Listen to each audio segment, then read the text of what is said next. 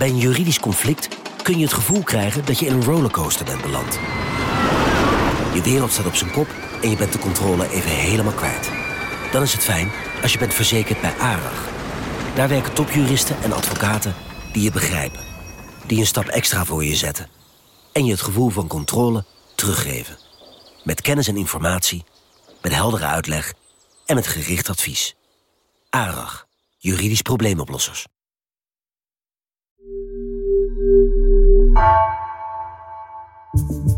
Vanaf de redactie van NRC het verhaal van vandaag.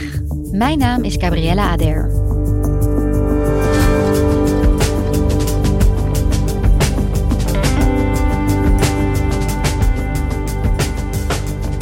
Het pensioenfonds van het Nederlandse bedrijf DSM heeft een tekort van 1,3 miljard euro en heeft jarenlang de pensioenen niet kunnen verhogen.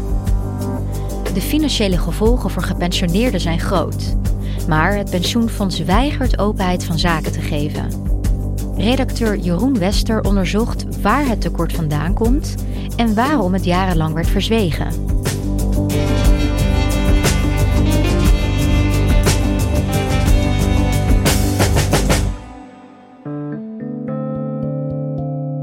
Onlangs werden Marijn Rengers, eh, mijn collega en ik, eh, benaderd door een paar boze gepensioneerden die bij DSM hebben gewerkt en uh, woedend waren over de ontwikkelingen die bij hun pensioenfonds hadden plaatsgevonden. DSM, dat is uh, eigenlijk een afkorting van de staatsmijnen. Dat was vroeger een overheidsbedrijf. Dat werd in de jaren 70 werd dat gesloten en DSM ging eigenlijk door als een chemiebedrijf. Het geldt als een heel sociaal bedrijf. Heeft een, echt een reputatie van dat ze goed voor hun werknemers zorgen. En we kwamen in contact met meerdere mensen en die groep die bleek echt uh, behoorlijk groot te zijn. Harry Govers, dag. Zo spraken wij bijvoorbeeld met Harry Govers. Ik ben uh, Harry Govers, sinds uh, een flink aantal jaren gepensioneerd. Heb meer dan 35 jaar bij DSM gewerkt in allerlei functies. Dat is een werknemer van DSM die heel lang actief is geweest in de vakbond. En op die manier zich altijd heeft ingezet voor de belangen van werknemers van DSM. Echt de traditionele vakbondsman die met gestrekt been erin de discussie opent. En we kwamen ook in contact met Marius Weehuizen. Ik ben Marius Weehuizen en ik ben in 1990 bij DSM komen werken. Heb vanaf dat moment 20 jaar bij DSM gewerkt. En de laatste 10 jaar als directeur marketing en sales van de businessgroep DSM Agro. Dat is een jurist en hij ging zich uh, als, als gepensioneerde ook in zijn eigen pensioen verdiepen. En hij viel van de ene verbazing in de andere. Op de onderzoeksredactie komen vaak uh, mensen met klachten over een pensioenfonds. Uh, veel mensen benaderen ons en die zeggen: Moet je kijken, ik krijg te weinig pensioen. Maar ja, er zijn zoveel redenen waardoor een pensioen tegenwoordig tegenvalt. Uh, maar hier was echt iets anders aan de hand. Het was namelijk al heel snel voor ons duidelijk dat DSM Pensioenfonds, van een van de rijkste ondernemingspensioenfondsen van Nederland, binnen no time een van de zwakste pensioenfondsen van Nederland is geworden. En dat heeft behoorlijke gevolgen voor de deelnemers aan het fonds en dus ook vooral de gepensioneerden. Want die voelen dat in een slechte uitkering van hun pensioenen. De, de, consequenties voor de betrokkenen zijn dat ze zich niet meer kunnen permitteren wat ze zich uh, hadden kunnen permitteren in het verleden. Je, je hebt minder geld om van te leven. En Harry en Marius wilden weten wat er aan de hand was. En Marijn en ik gingen ook op onderzoek uit om te kijken van ja, wat is hier nou gebeurd? Jeroen, jij bent dus met je collega uh, Marijn Rengers in dit dossier gedoken. Wat hebben jullie ontdekt? Ja, ze hebben dus een, een pensioenfonds. Dat beheert geld voor 30.000 uh, werknemers en ex-werknemers.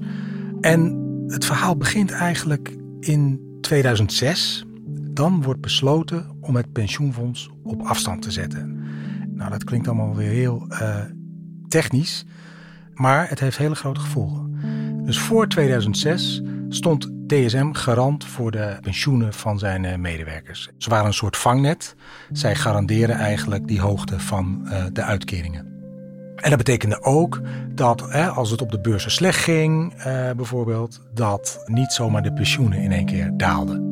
In 2006 werd besloten die banden door te snijden. Dus de banden tussen DSM en het pensioenfonds. En het vangnet verdween. Dus in het vervolg, als er reuring was op de financiële markten, dan liepen de werknemers de risico's. Dus na 2006, vanaf toen stond DSM niet meer garant voor de hoogte van pensioenen. Die risico's lagen volledig bij de werknemers en gepensioneerden. Dat was een grote verandering. Dat deden wel meer bedrijven in die tijd, dat ze hun banden doorsneden met pensioenfondsen. Dat was niet zo bijzonder. Wat wel bijzonder is, is dat bij dit pensioenfonds geen bruidschat werd meegegeven. Want wat is dat, een bruidschat? Tenminste, in dit geval. Ja, ik weet niet of een goede vergelijking is voor als je kind uit huis gaat, die je dan iets meegeeft om bestand te zijn tegen de gure buitenwereld. Geld dus. Geld, ja. Het is natuurlijk heel logisch dat als een fonds de garantie verliest, de rugdenking van een groot bedrijf en zelf vol in de wind gaat staan, dat je dan extra uh, incasseringsvermogen meekrijgt. Dus wat je bij de meeste ondernemingspensioenfondsen zag in die jaren, is dat ze werden verzelfstandigd en het bedrijf deed een eenmalige storting om het uh, pensioenfonds de wijde wereld in te sturen. Dat is hier niet gebeurd. En waarom dan niet? Waarom, waarom gaven ze niet gewoon een zak geld mee? Dat, dat is moeilijker te zeggen dan uh, vast te stellen dat het niet gebeurd is. Maar wat voor ons duidelijk werd, is de argumentatie destijds was: één, het pensioenfonds is toch zo rijk.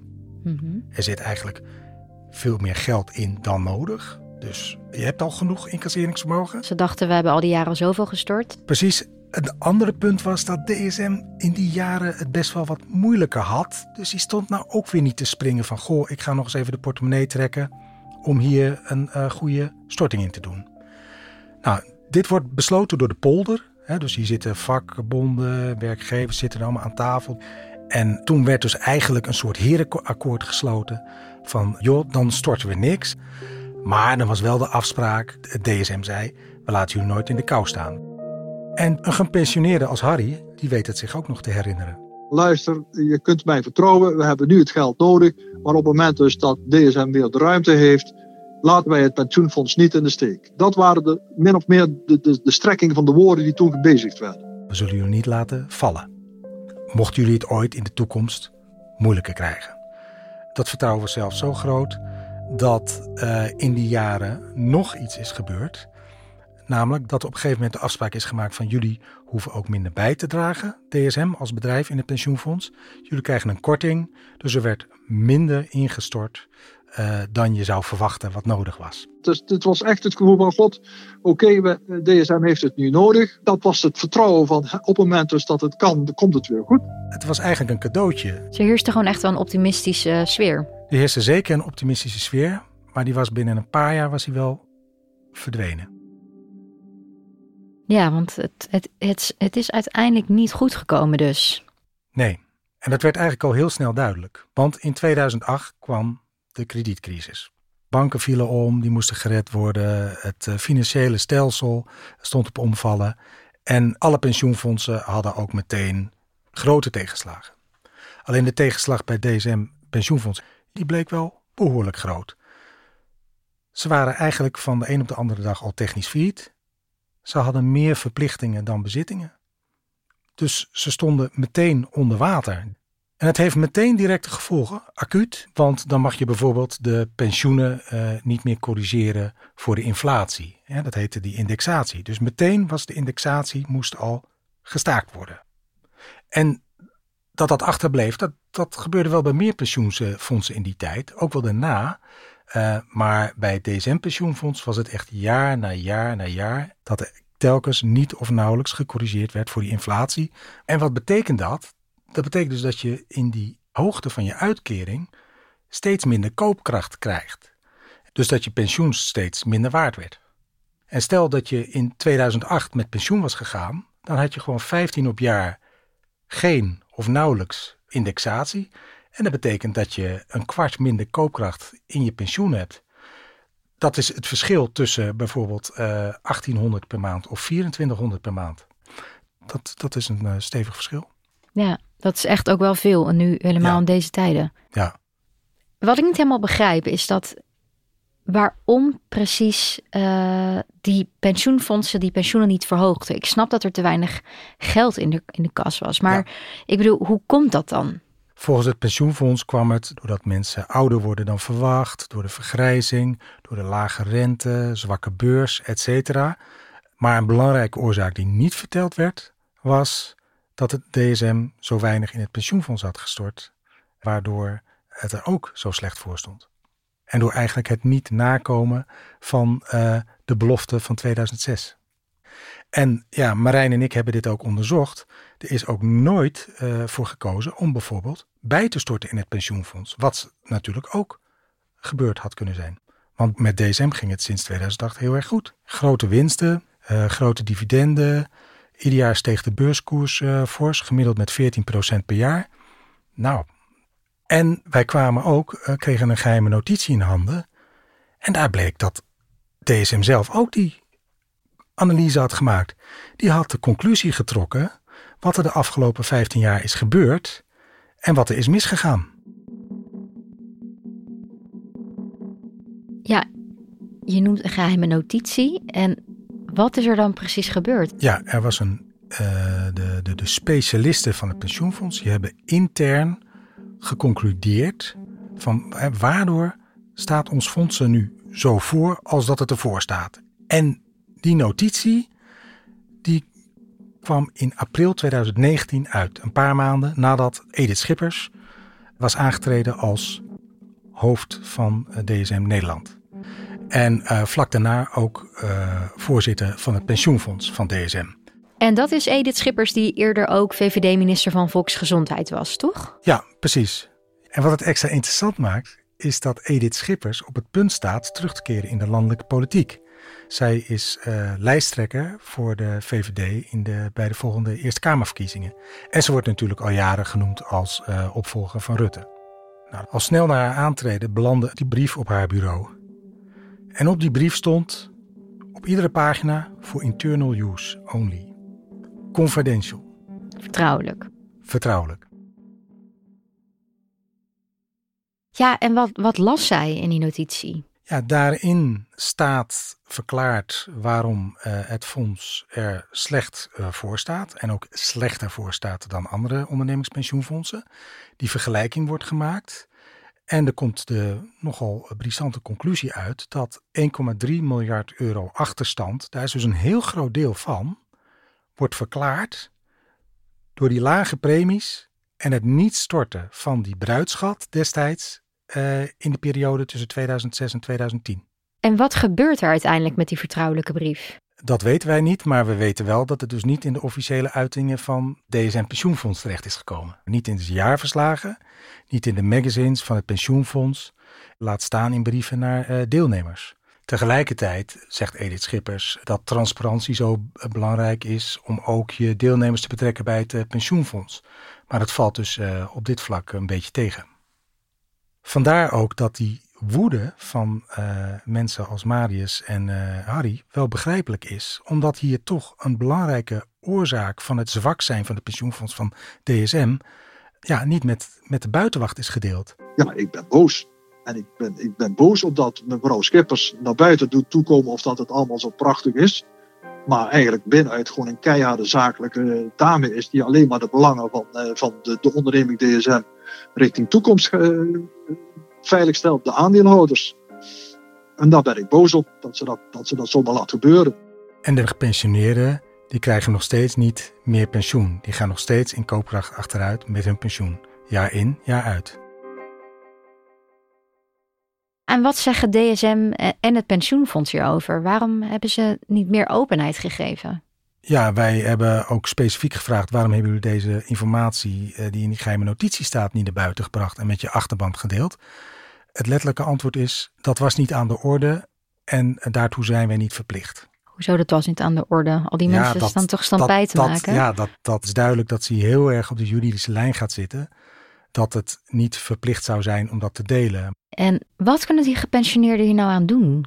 Ja, dat is uh, een moeilijke vraag. Um, want als je dit in het juridische trekt, uh, dan wordt het een, uh, een moeras. het is onduidelijk wat wel mag, wat niet mag. Dat is vaak ook een hele lange weg als je dat juridisch gaat aanvliegen, als je naar de rechter stapt en welke rechten afdwingbaar zijn en welke niet. Maar wat Harry wil, is dat het bedrijf openbaart van wat er is gebeurd. Wat ik wil hebben is dus wat is de afgelopen twintig jaar door DSM aan geld in het fonds gestort en wat is er uitgehaald. En die concrete balans, die heb ik nog niet gekregen. Maar ja, dat is natuurlijk een pijnlijk, pijnlijk verhaal. Hè?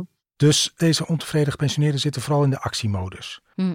Ze schrijven brieven naar de Raad van Commissarissen van DSM. Oké. Ze schrijven brieven naar het bestuur van het pensioenfonds. Er is ook een uh, gepensioneerde waar we contact mee hadden. Die heeft een brief geschreven naar de Zwitserse fusiepartner. Want er komt een fusie aan. DSM wil fuseren met een Zwitserse club. Met de waarschuwing. Pas op. U gaat fuseren met DSM. Maar besef wel, er ligt een potentiële claim op het pensioenfonds. Ze hebben ook met een uh, advocaat in arm genomen, de nieuwe Belangenvereniging van Gepensioneerden. En die hebben een ultimatum gesteld aan het uh, pensioenfondsbestuur van jullie moeten deze geheime notitie zelf openbaar maken. We hebben een sommatie door de advocaat laten sturen aan het bestuur van het pensioenfonds om alle deelnemers, maar met in het bijzonder die pensioengerechtigden, eerlijk te vertellen dat het pensioenfonds is uitgehold en dat dat komt door het beleid van DSM het bestuur van het pensioenfonds. En Harry en Marius zijn ook zo boos omdat de huidige top de komende maanden 30 miljoen aan bonussen mag verdelen als de fusie met die Zwitsers uh, lukt. Dat is veel geld en maakt de verschillen tussen de werkvloer en de top van het bedrijf alleen maar groter. En dit lijkt bijna op een klassieke, klassieke klassenstrijd van, het, uh, van arbeid tegen het kapitaal. Hè? Want de verschillen zijn zo groot geworden. De bonussen bij de top die, uh, zijn groot.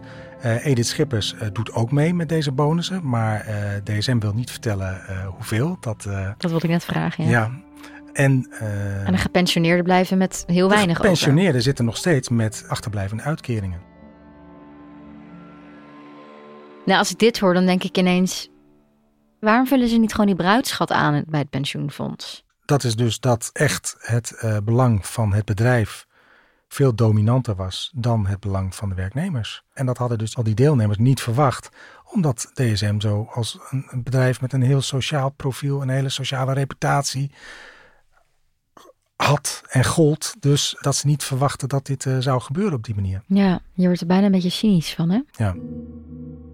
Ja, en waarom is dit dan nou zo'n belangrijk verhaal? Want jij zegt, ja, ik krijg vaker tips over pensioenen natuurlijk. Maar ja. er is iets waarom ja, jij zo gegrepen bent. Ja, en dat komt omdat ja, een pensioenfonds is voor journalisten als ons is natuurlijk... en ook voor de deelnemers is vaak een black box. Dit is bijna niet te begrijpen wat daar binnen plaatsvindt, wat er, wat er gebeurt.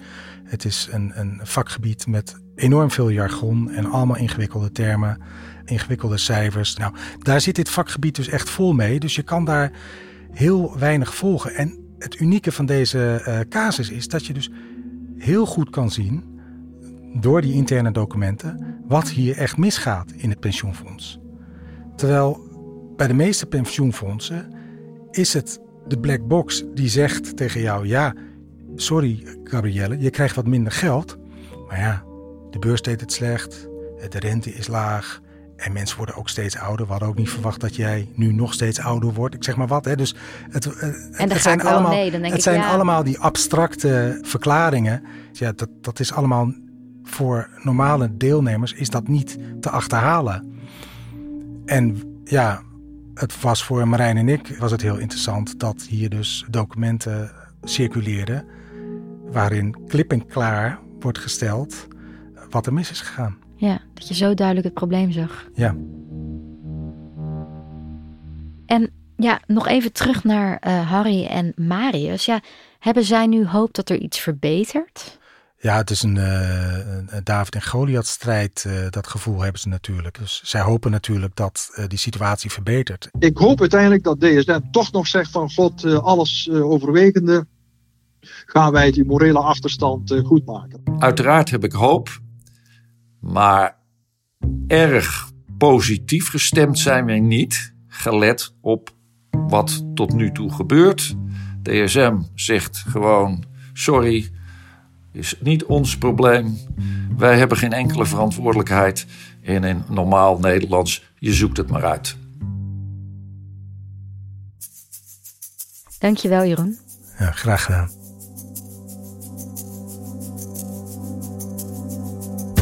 Je luisterde naar vandaag, een podcast van NRC. Eén verhaal, elke dag. Deze aflevering werd gemaakt door Ignaat Schoot, Iris Verhulsdonk en Marco Raaphorst. Coördinatie Henk Ruigrok van de Werven. Dit was vandaag, maandag weer.